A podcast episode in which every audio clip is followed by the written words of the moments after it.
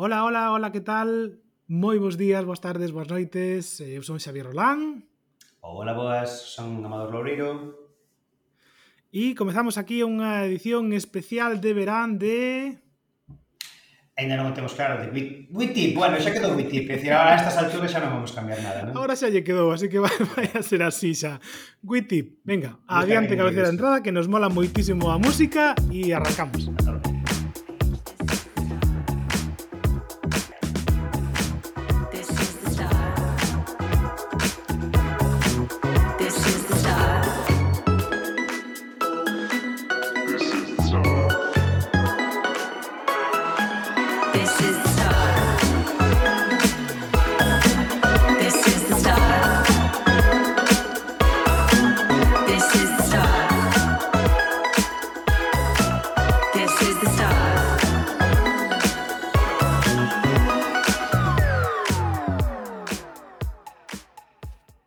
despois desta, desta refrescante sinfonía de verán moi funky Mola.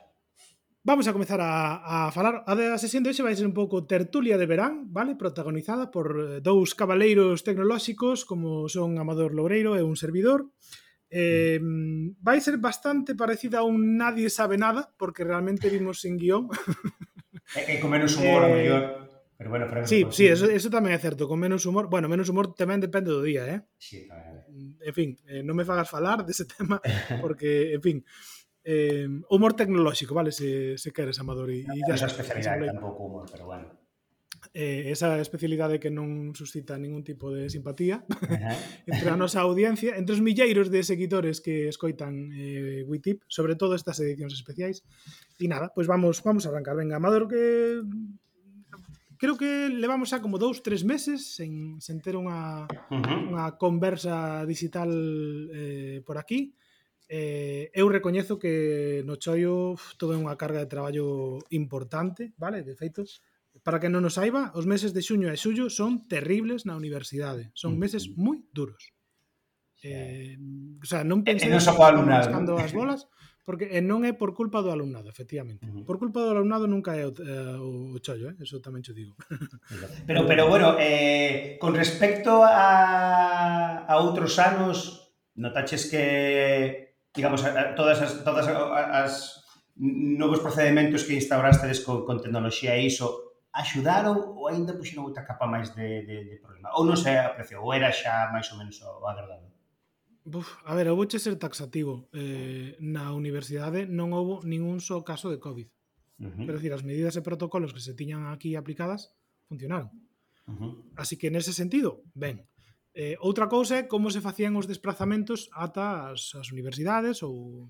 Aí sí que, bueno, podemos eh, discutir un pouquinho máis. Eu, ao mellor, non estou tan de acordo en que houbera que gardar metro e medio na facultade e non se guardar ese metro e medio no autobús de camiño a, a facultade. Pero as medidas e protocolos, ben, a min en particular neste semestre tocoume toda a docencia online, toda, Non claro, esa parte me refiro, a parte tecnolóxica, é dicir, notaches máis carga de traballo? Eh, sí, sí, sí que eu sí que notei máis carga de traballo, porque non é o mismo preparar unha clase eh, de forma presencial que de forma virtual, porque a, a atención non é a mesma, porque aínda que che estén vendo a cara, non é o mismo estar vendo unha, unha cara de diante de ti que dentro dunha pantalla, o mellor como estamos falando nos, nos agora, sempre se perden matices.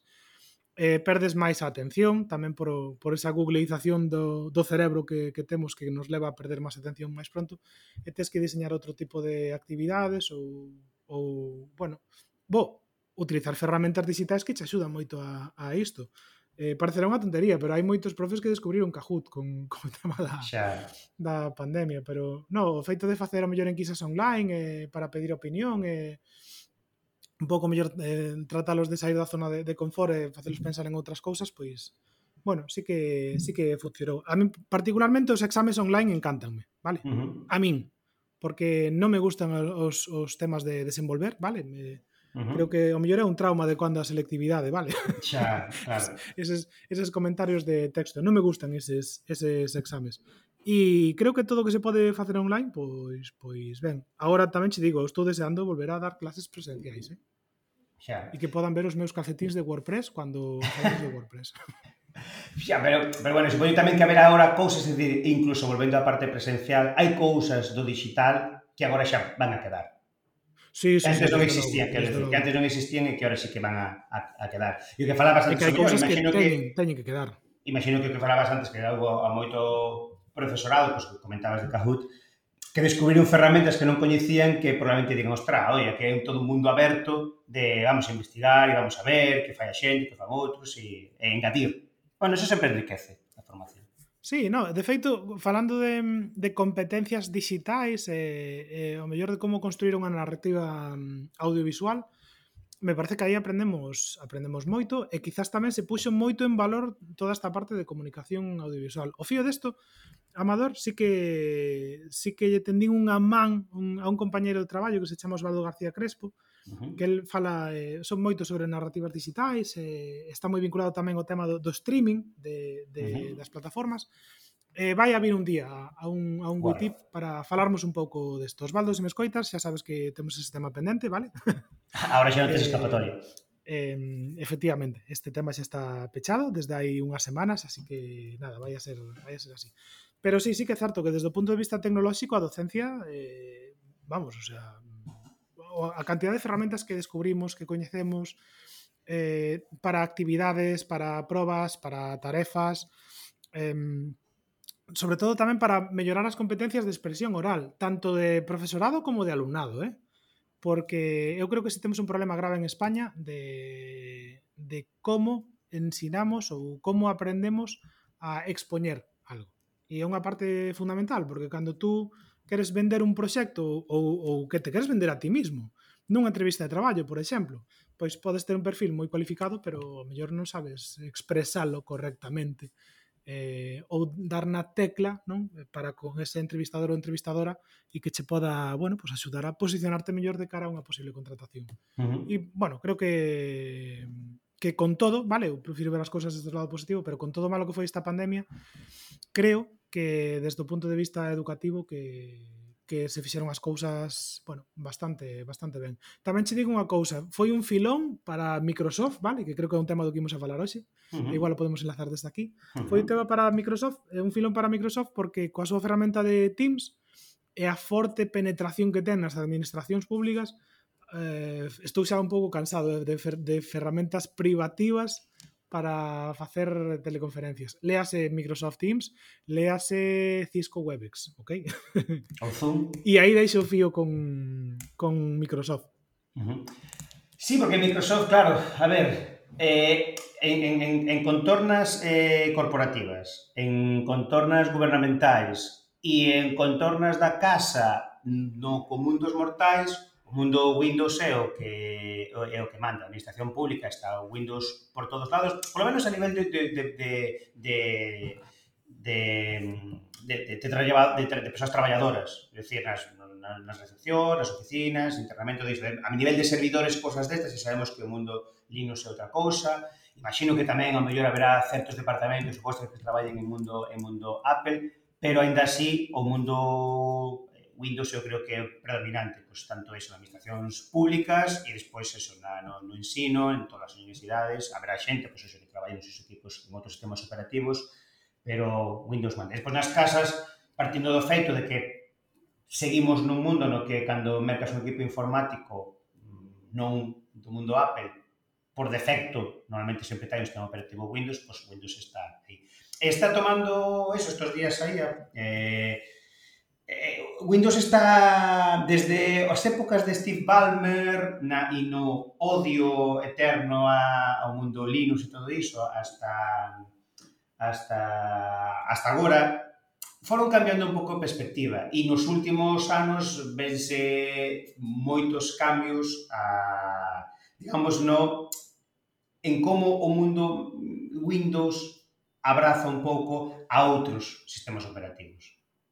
O mundo Yo creo un cambio, un cambio terriblemente grande desde Steve Ballmer a uh -huh. Satya Nadella. Que Satya Nadella, sí, sí. O, uh -huh. que, o sea, para mí foi o día e a noite, pasar dun tío egocéntrico, eh, eh, egocéntrico non, máis ben ególatra, uh -huh. que é certo que en, en termos de beneficios a Microsoft folle brillantemente ben nesa, nesa época, uh pero o cambio é brutal, o sea, desde o momento no que chega Satya Nadella e, e se acercan ao mundo Linux e apoian o desenvolvemento do kernel de Linux, compran GitHub, pero deixan en aberto.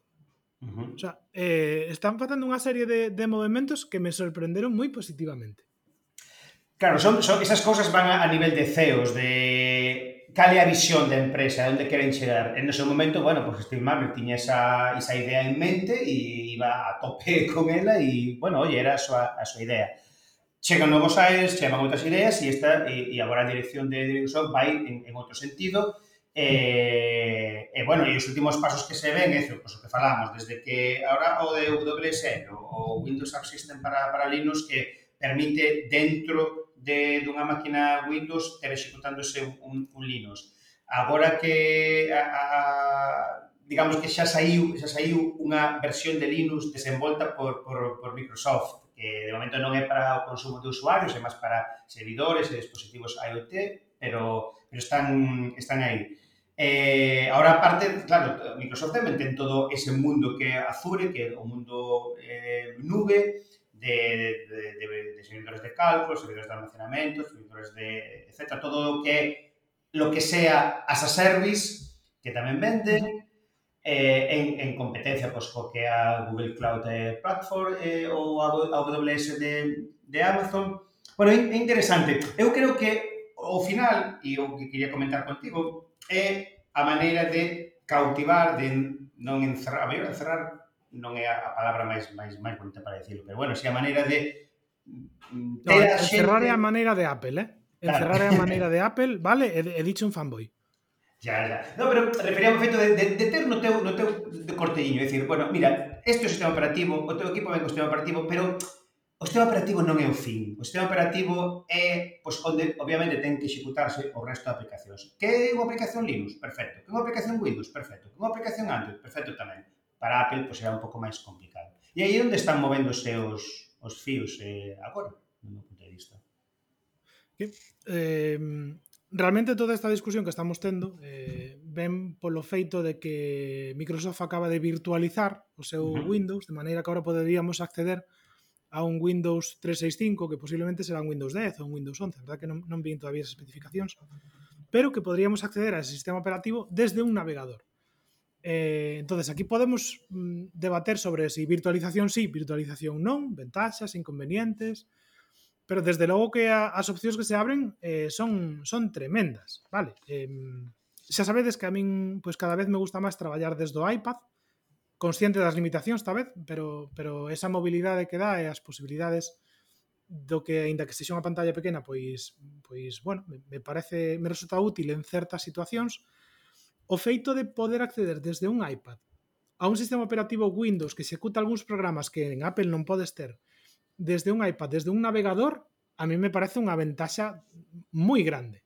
Quero decir, eh, o feito de que se poda virtualizar Windows e executar desde un navegador pode subir as ventas de Apple nos iPads.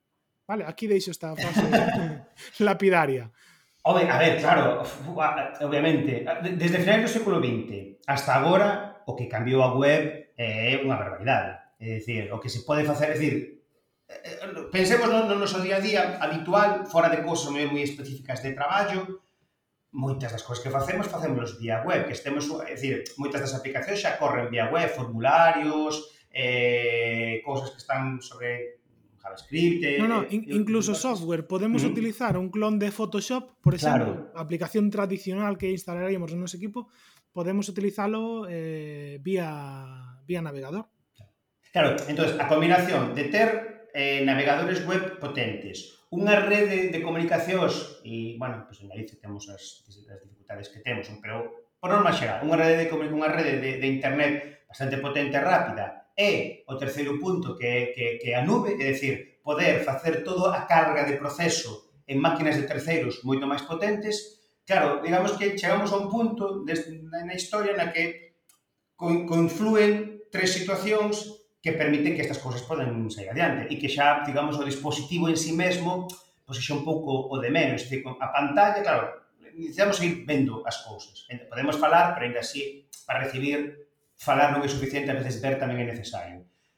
Pero que vexamos, claro, pues eso, con un navegador, unha conexión a internet boa e que todo se execute en granxas de servidores de, de terceiros, xa está todo feito. Que estou pensando neses equipos que a principios dos 2000 se venderon sobre todo para bibliotecas e concellos de, de era como un Windows telemático que se cargaba un pouco tamén na nube, pero claro, naquele momento non funcionaron. Eran chamaban equipos tontos, non? Uh -huh.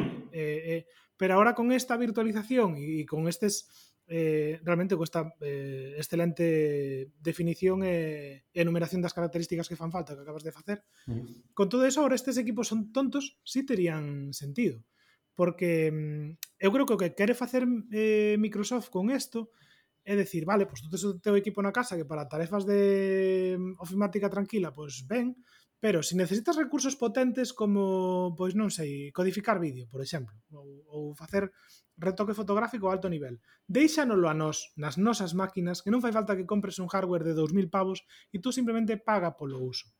Non? Claro. Que además un pouco entronca con esta nova cultura da suscripción que, por fin, vale, parece que, que empeza a arrancar, non? Agora parece que xa nos doe pagar por servizos de, de suscripción. E creo que para mostra, o mellor, cada un dos ointes podría reflexionar sobre que tipos de suscripción a plataformas de audio ou vídeo están pagando eh, mensualmente e que hai 10 anos nin se plantearían mm, baixo ningún concepto pagar este este produto ou servicio. Bueno, pois a virtualización pode ser un, un máis, non?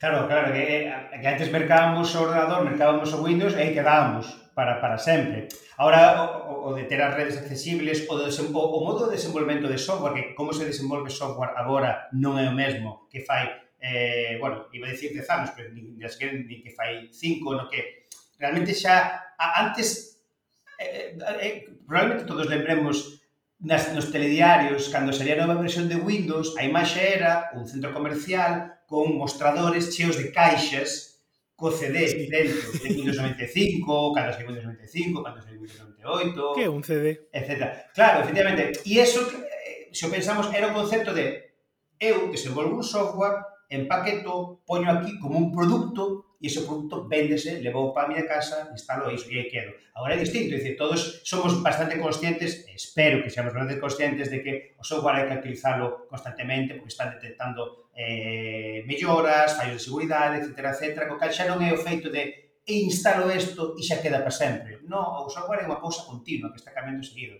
Entón, se pasamos do que estabas efectivamente falando ti, pasamos do que era o produto en si sí mesmo, unha caixa con CD dentro, a un servizo E o servizo agora está se transformando a realmente o que é o servizo en sí. Eh, eh, eu non controlo moito a economía, pero iso, iso, iso que chaman de, de, dos de mm, dos ecosistemas eh, vaca, de andar buxindo, dicir, o que interesa realmente as empresas, obviamente, non é venderche a 100 euros algo hoxe e sabedes cando che vendo o seguinte. O que me interesa é venderche algo todos os días a un euro, ou mellor. E así estou todos os días, un euro de hoxe, un euro hoxe, un euro mañá, un euro, un euro pasado, etc, etc, mas en continuidade. Eso é algo que creo, creo, esta é unha opinión personal, pero creo que leva 25 anos facendo Apple.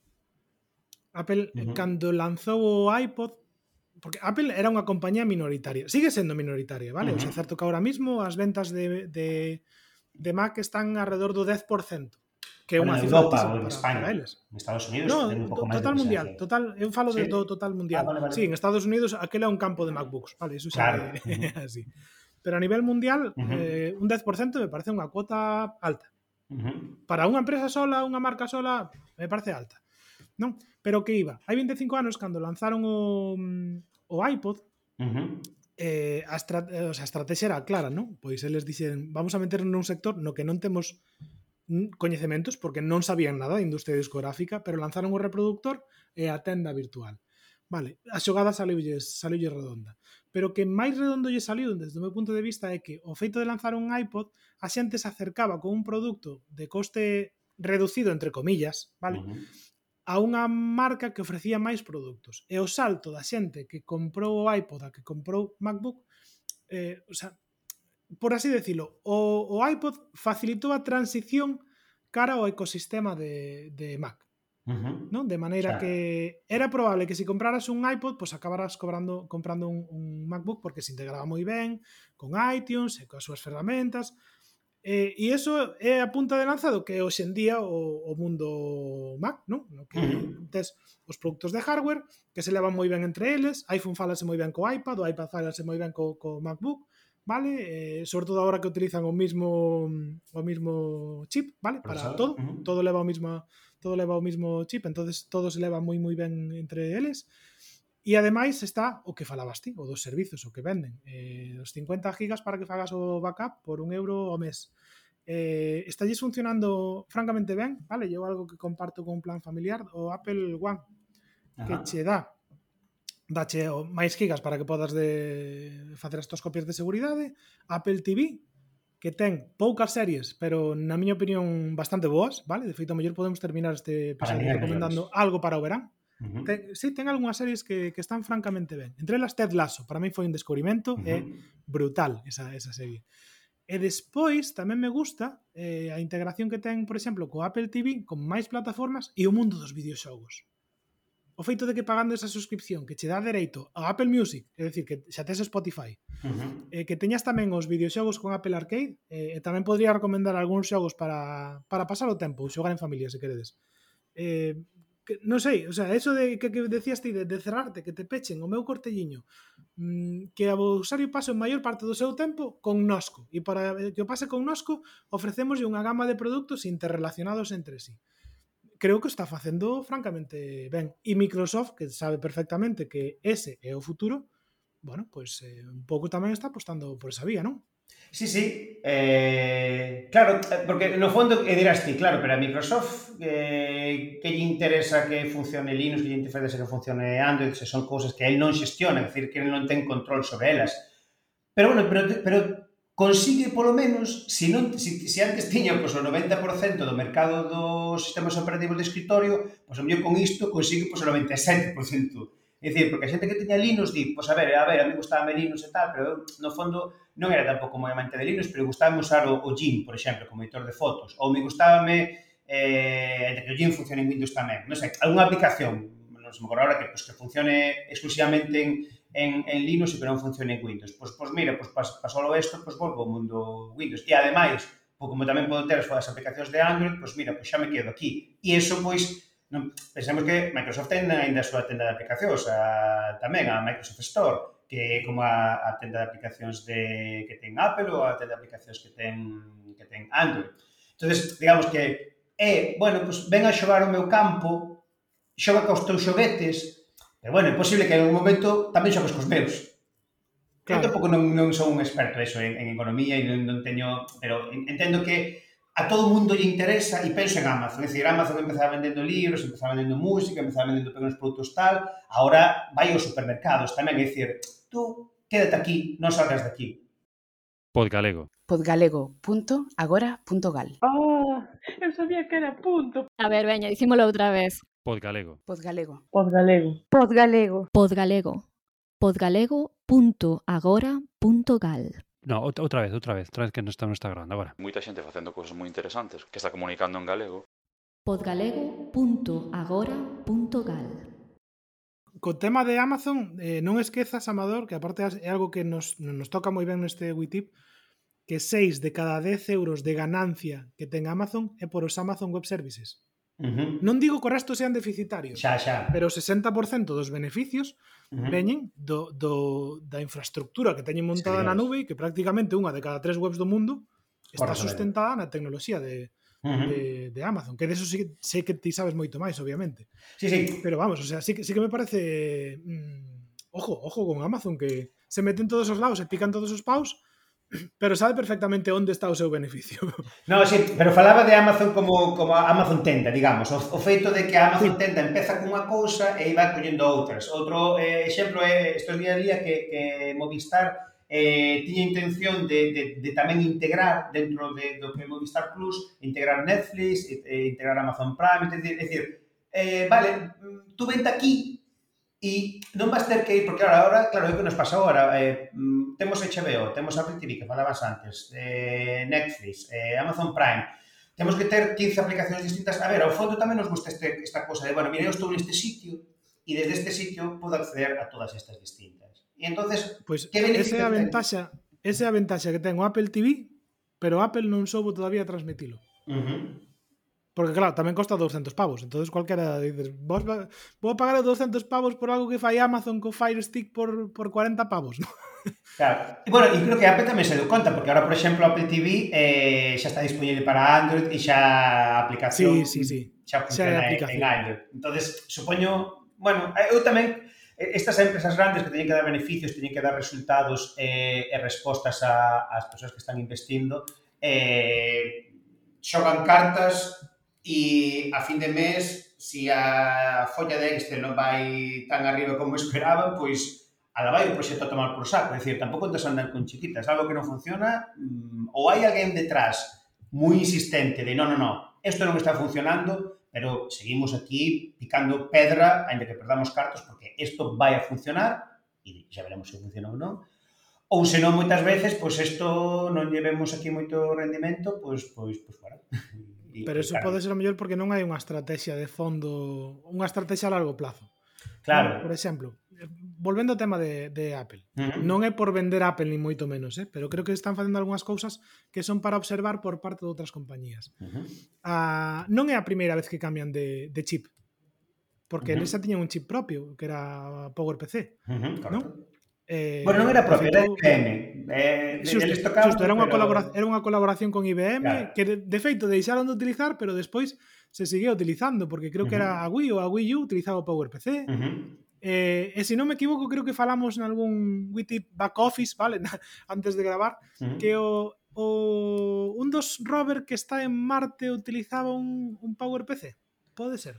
Pois non recordo, a verdade que non, non teño dato agora. Sei que non utiliza un procesador convencional, un Intel estándar, pero non recordo No, agora no, se era no, un no. RISC ou é un PowerPC, pode ser. In- Intel non é segurísimo. E a mí sonaba algo así de que faláramos de en plan, hostia, claro, que mandaron un bicho ao espacio, radiación e todas esas cousas. Mandar cousas ao espacio non é fácil. Non, non, non, non é fácil. Non é fácil. Bueno, mandar cousas ao espacio é fácil. Con... Que respondan despois o que ves mandadas é outra cousa. É dicir, mandalas é ben fácil, tú a lo foi. O quanto é eh, controlalas desde o espacio. A miles de... Solo unha, de unha, un apunte. Cando mm. falamos de mandar cousas ao espacio, falamos de cousas, vale? Non, non estamos falando de, de Richard Branson, nin de, nin de Jeff Bezos, Falamos de cousas, de, que, cousas de falamos de cousas que queremos que volvan, non como eles que volveron ainda que nos non quixéramos. Pero ese é outro tema. Bueno, pues decía que, que non é a primeira vez que cambian de chip Apple, que agora teñen o seu chip eh, propio, que, que é algo que levaban xa anos maquinando e desenvolvendo, que eh, os iPhones foron os, os, os cobayas, non por así decirlo, e dixeron, bueno, se é suficientemente maduro, vamos a lanzalo a outros, a outros equipos. Eso posibilita que se podan executar aplicacións de, de, da App Store de, dos dispositivos portátiles nos equipos de escritorio. Neste sentido, non crees que sería intelixente que nesta estrategia de converxencia que ten eh, Microsoft que permita a execución de APKs de Android, por exemplo? Uf. A pesar de que non teñen nada que ver. Como verías ti? A min se me parecería algo intelixente. Pero non sei, contame ti. Eh, claro, pero é, é deixar entrar... Claro, é o mismo que falábamos antes de Microsoft e Linux. É deixar un pouco entrar, entre comiñas, o, o inimigo na, na casa. Despois hai outra parte que, claro, é que os procesadores... O desenvolvemento de procesadores é complicado. E hai dos, dúas cousas importantes aquí que están por debaixo, que é a independencia tecnolóxica, que o deseño de procesadores non é só exclusivamente a eh, o diseño en sí mesmo, senón tamén pois, evitar que todo o diseño de procesadores se faca en Asia e tamén ter un control sobre onde se fan os procesadores.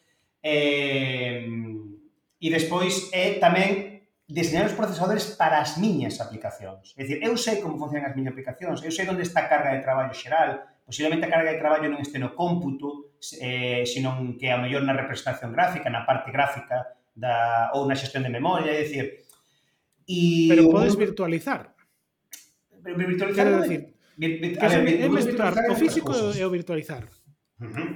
Claro, pero mira, o que falábamos antes, por exemplo, o que está facendo Microsoft 365 non é realmente virtualizar. O que realmente está representando en pantalla algo que se está executando en outras máquinas. E o mellor é quasi de forma nativa, é dicir, porque eh, agora estamos nun mundo no que a virtualización, é dicir, eh, eh a ver, tampouco son un experto, pero a grandes rasgos o mundo que, o que nos falamos por virtualizar, o que entendemos ao, ao mellor polo que fai eh, VMware eh, eh, sobre virtualizar o que é eh, executar sobre unha máquina física outra na que se replican por software tanto procesador como memoria como o resto de dispositivos que teóricamente son físicos pero fanse a nivel de software. E despois está o que esta parte que agora está moito máis de, de, de moda que é a parte de containers que aparte de containers o que se fai é eh, non se virtualiza realmente a máquina, o que se fai é que se utiliza no, no núcleo, no, no, que se chama kernel, no, no núcleo de, do sistema operativo, se sigue utilizando o, o, a esa, digamos, esa nova, ese container,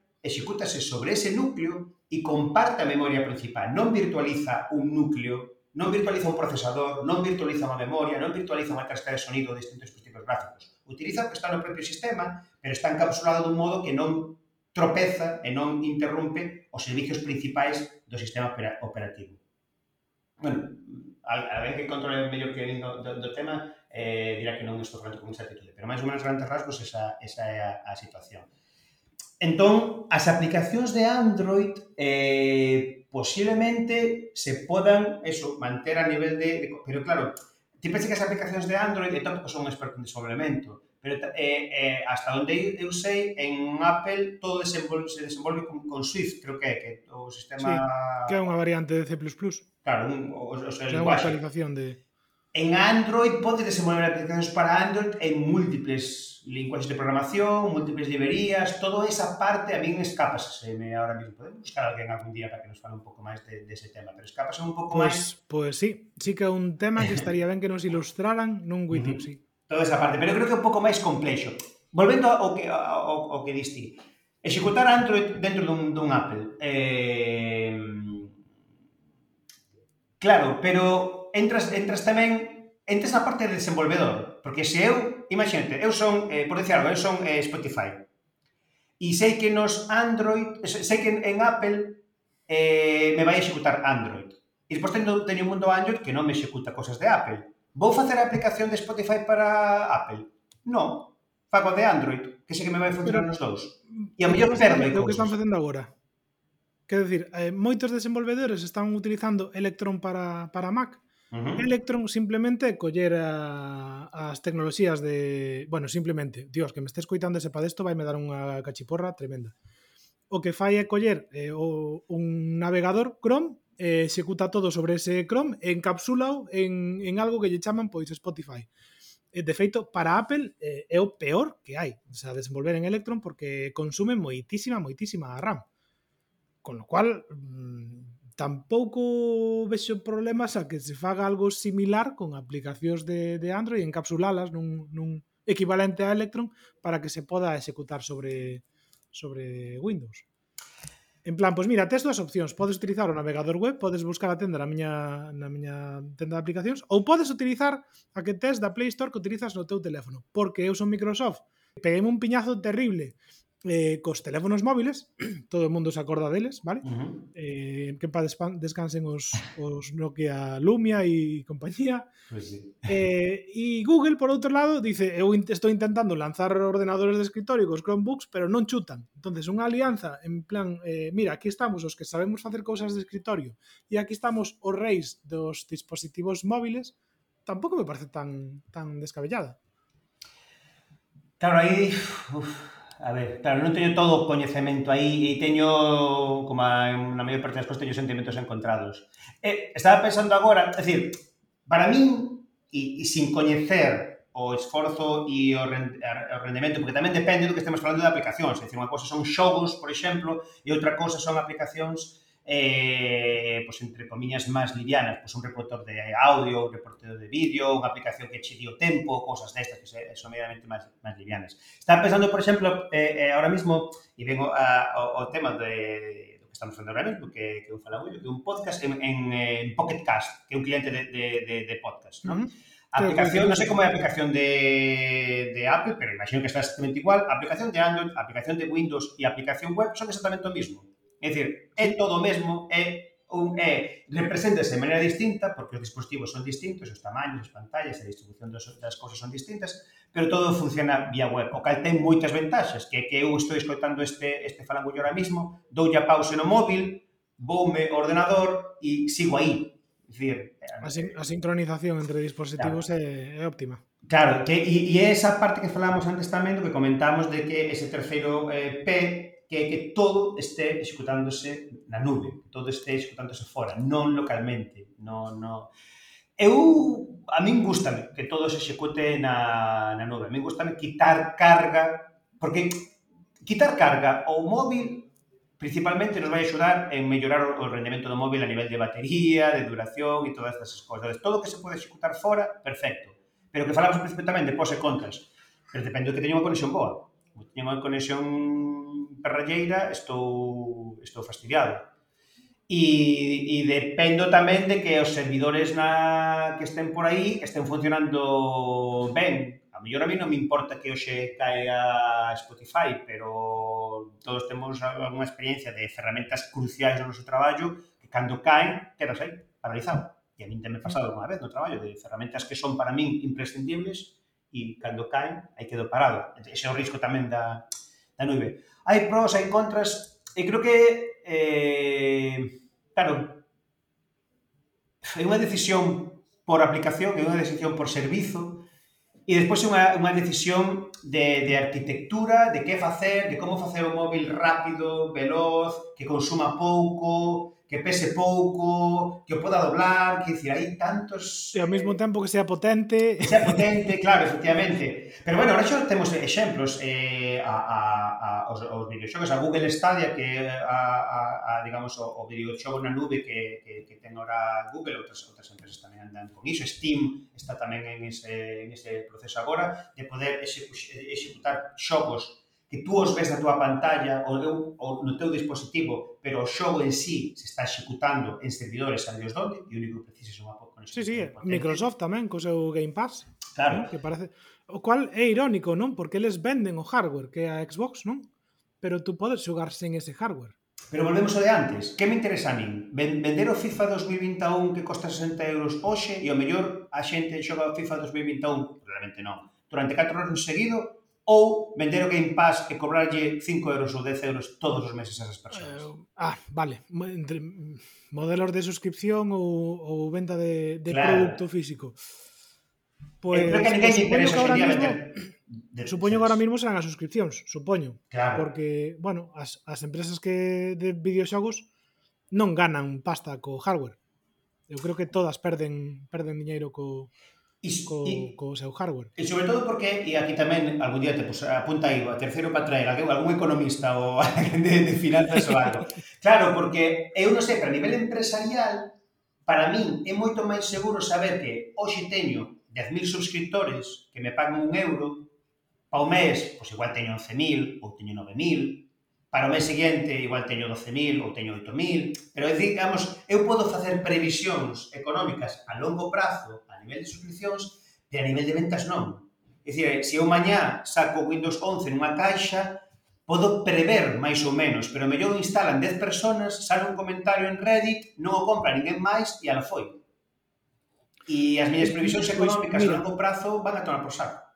Estou pensando no, no que pasou estes días, vale? Con independencia de cando escoites este podcast, vale? Disclaimer. Que sepas que xa se estrenou a última peli de Marvel, eh, Viuda Negra. Ok? Uh -huh. Porque mellor, eh, non sei, igual isto vai en xullo vai en agosto ou sabes cando vai, non? Pero é curioso porque a estrategia de lanzamento desa película eh, foi en dúas pantallas ao mesmo tempo, non? Uh -huh. En formato virtual e, e, e tamén nos cines eh, creo que recaudou no primeiro fin de semana no formato virtual como 50 millóns de, de dólares e eh, nos cines pois, uns 150 ou así. En nos cines queixáronse de que o lanzamento virtual lles, lles eh, restara ganancias. Eh, uf, uf, este tema isto, isto hai que falarlo con Osvaldo, eh?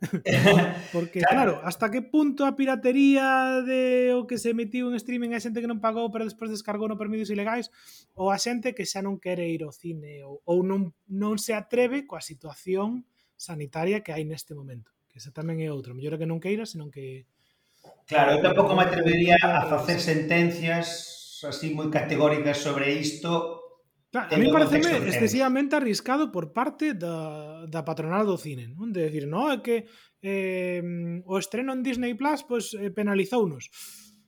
Mm, non o sei, non sei como é a convivencia que hai entre diferentes eh, pantallas de exhibición, eh, Non claro, sei, non o teño claro. Claro, tampouco sei como funcionan os cines, hasta onde eu sei, eh, o que son hai distribuidoras que compran masas de, de películas, despois hai grandes grupos de, de cine que son as que as que distribúen, perdón.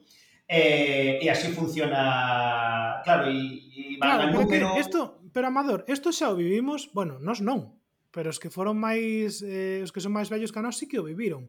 Co paso dos recreativos a levar o recreativo ás súas casas como videoconsola.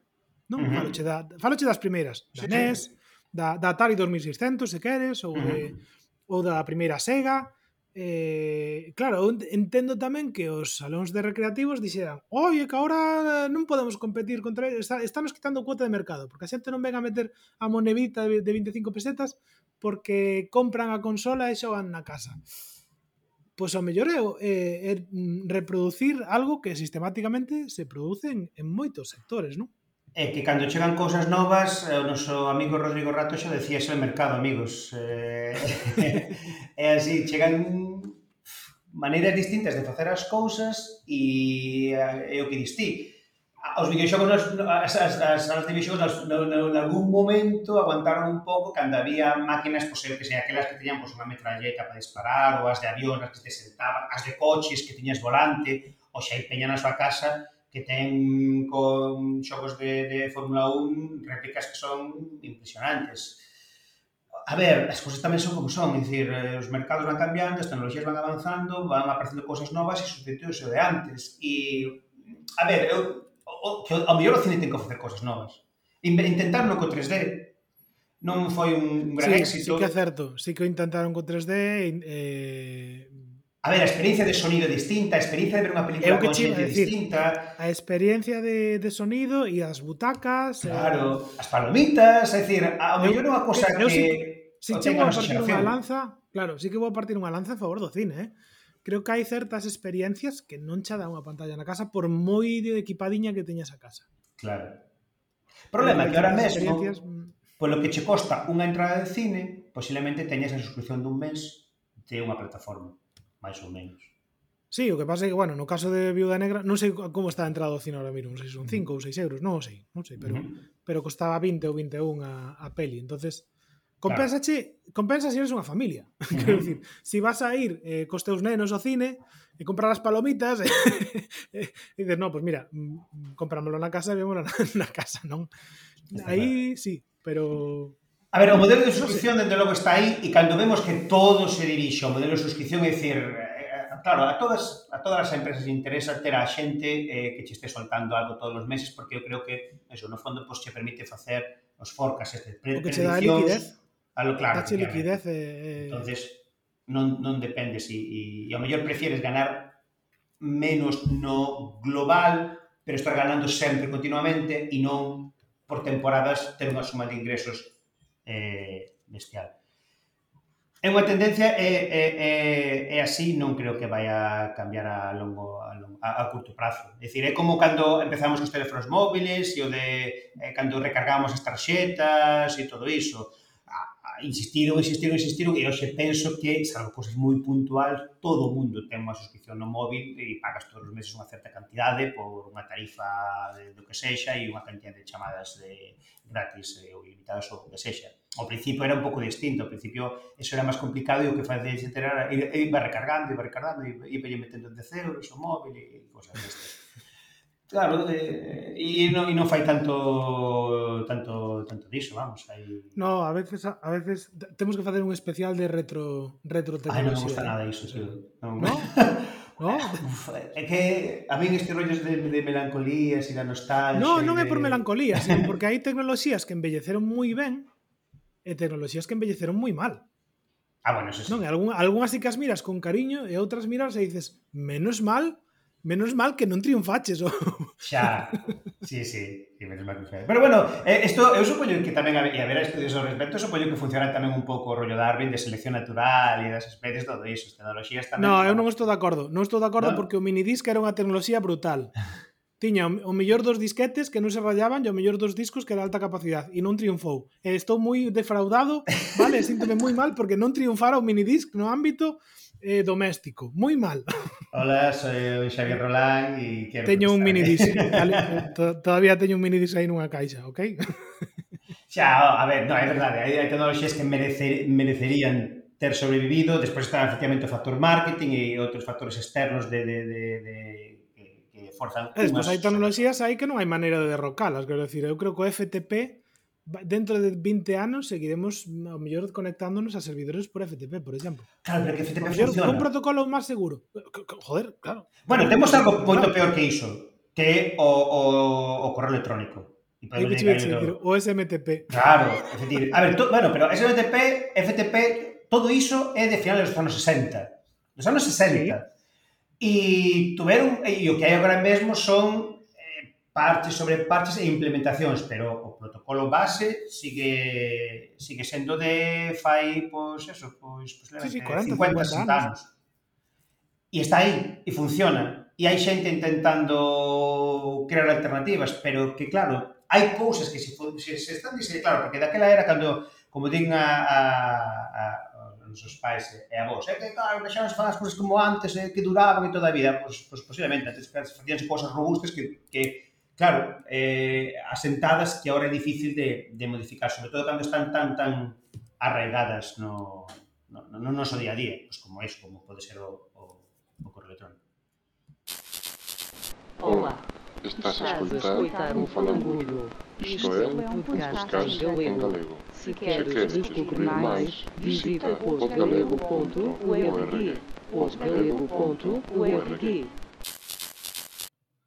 Mira, temos que tratar tamén un día un tema superchulo que é o, da, o das cookies, mm. vale? Eh, as cookies publicitarias mm e como está cambiando como, est como está cambiando o mercado e eh, como valoramos a publicidade e o golpe que deu na mesa Apple tamén e encima da mm-hmm. mesa. Facebook como mm-hmm. el mal, vale? Con mm mayúsculas directamente. e, e creo que é un tema que, que pode ser moi chulo e que pode ilustrar moito eh, se o amosamos dunha forma un poquinho máis didáctica, obviamente. Perfecto. Pero creo que un tema, un tema aí que, que nos afecta máis do que nos pensamos. Porque ao final todos navegamos todos os días a través do noso teléfono móvil e moitas veces non somos conscientes ou somos deliberadamente inconscientes sobre os datos que estamos compartindo ou, ou os datos que nos están rastreando e creando un perfil eh, que o mellor non ten nome e apelidos, pero sí sabe perfectamente pois, que somos varóns europeos residentes en Galicia, ou fora de Galicia, pero galegos, eh, con certos intereses, eh, certas motivacións, con consumo a tales horas de, de, de certas aplicacións ou patróns de uso de determinadas webs. E creo que eso mm, habría que... O de aceptar as cookies, tratalo, eh? convertirse no de aceptar a licencia de uso. Todo dios entra nunha página web e o primeiro que faz, a ver, onde están as cookies, veña aceptar, siguiente. Sí, tal cual. Ou buscas unha extensión para Chrome para que autoacepte, xa, que, por defecto, pero bueno. Bueno, entón, mira, Amador, por, por ir pechando, que xa levamos 46 minutos, é unha cifra respetable. Uh -huh. eh, algunha recomendación ou algo para, para ir pechando para, para estas semanas de asueto, verán que non é verán, verín verán para algún? Pois... Verín verán era o, era o nome da cafetería que tiña a playa fluvial de Verín. Carai. Sempre me pareceu brutal, Verín verán. era espectacular, o naming brutal. E se non registraron, vai rápido a registrar agora. Me parece que ten, ten potencial aí, eh? ten moito, moito potencial. Pois, eh, pois mira, eh, a falaba antes, eh, pois agora que hai tempo e que a xente pode estar tumbada sen facer nada, que queira ler, que lea, que queira escoitar música, que escoite, pues, pero falando de Palangullos, de Falangullos, e, e este que é un, un podcast e que hai moitísimos máis en, en pontalego.org que podedes escoitar, pois pues, a aplicación que vos comentaba antes, eu, por exemplo, son usuario de, de mm, Podcast Addict, creo que dixen en algún, algún momento, Pero últimamente estou eh, usando tamén a de Pocket Cast por, polo que vos dixen antes, porque eh, está moi guai estar escoitando algo nun dispositivo, pausalo, irte a outro dispositivo no mesmo día ou un día máis tarde e poder continuar xusto onde o deixaches. Non ten miles de configuracións distintas, pero a min esa, esa xa para min é, está moi igual. Mola ese rollo de... E, e eso, estás na praia, estás tumbado e alguén ven, pausalo e despois estás na casa, no ordenador, eh, lendo o correo mellor e de fondo, pois, noutra pestaña e sigues escutando ese podcast que estabas escutando antes. Esa a mí está moi A mí este rollo... Pois pues mira, mm, si a xente descarga Pocket Cast para probar, primeira uh -huh. suscripción obligatoria é zona wifi, eso está clarísimo, non? Ah, pero xa me puse fe, sí xa me cargo vou, de... vou, facer, o, vou facer outra recomendación, vale, para, para verán. Sí. Eh, é un podcast en castelán, eh? Vale. pero merece moitísima pena. É o, o podcast de Arqueología Nintendo, que é un, un podcast que vai xa por levo dos temporadas, 20 e pico episodios falando de toda a historia de Nintendo, que non é pouca, eh? son 130 anos, vale? Desde os seus inicios como como fabricando cartas, que era como iniciou, e toda a intrahistoria de como se como arrancou cas Game Watch, a Famicom, eh, Super Mario. Teño un capítulo dedicado solo ao Tetris, que de verdade que a historia do Tetris creo que debería ser eh, unha lección magistral en todas as facultades de comunicación vale? Caramba. Porque a historia do Tetris ten, o sea, dá, dá para peli non, dá para unha serie de HBO, de verdade. Ten demasiados intríngulis, compraventas, dereitos. O tipo que, que inventou Tetris eh, tardou 10 anos en comezar a cobrar por esos dereitos por, because of eh, Soviet Russian, non? e estas cousas. E todo eso podedes atopalo neste podcast que vos estaba falando, de Arqueología Nintendo, de, de Eneko Saba, que é un, un investigador de, mm, do País Vasco, vale? Además doutor en, en ciencias da computación, especializado en inteligencia artificial, eh, sabe mogollón do tema e dedícalle, mm, vamos, con moitísimo cariño, fai un podcast moi chulo sobre historia dos videoxogos, neste caso sobre sobre Nintendo. Totalmente recomendable, de verdade. Guai. Mira, pois, pues, pois pues, eh, cinco segundos máis, porque ao fío disso estaba acordando, hai un podcast en galego sobre videoxogos, chama eh, A Gruta de Guizamaluque, e fixo un monográfico sobre o salto, o concepto de saltar no mundo dos videoxogos dunha hora e 55 minutos. Solo falando solo falando de, do concepto de saltar nen, nos, nos videoxogos. Deixo aí tamén por se si algún friki que lle apetezca. Vale, pois xa está. Po, mira, o Pocket Cast xa o tedes con tres podcasts acojonantes, vale? Uh -huh. Eh, falabas antes de series de Apple TV, eh, veña, sen que sirva de precedente. Eu vou eh, recomendar unha que, que é super friki ademais, que se chama eh, Mythic Quest Raven's Banquet. Mythic, eh, lendo así en castelán, Mythic Quest Raven's Banquet.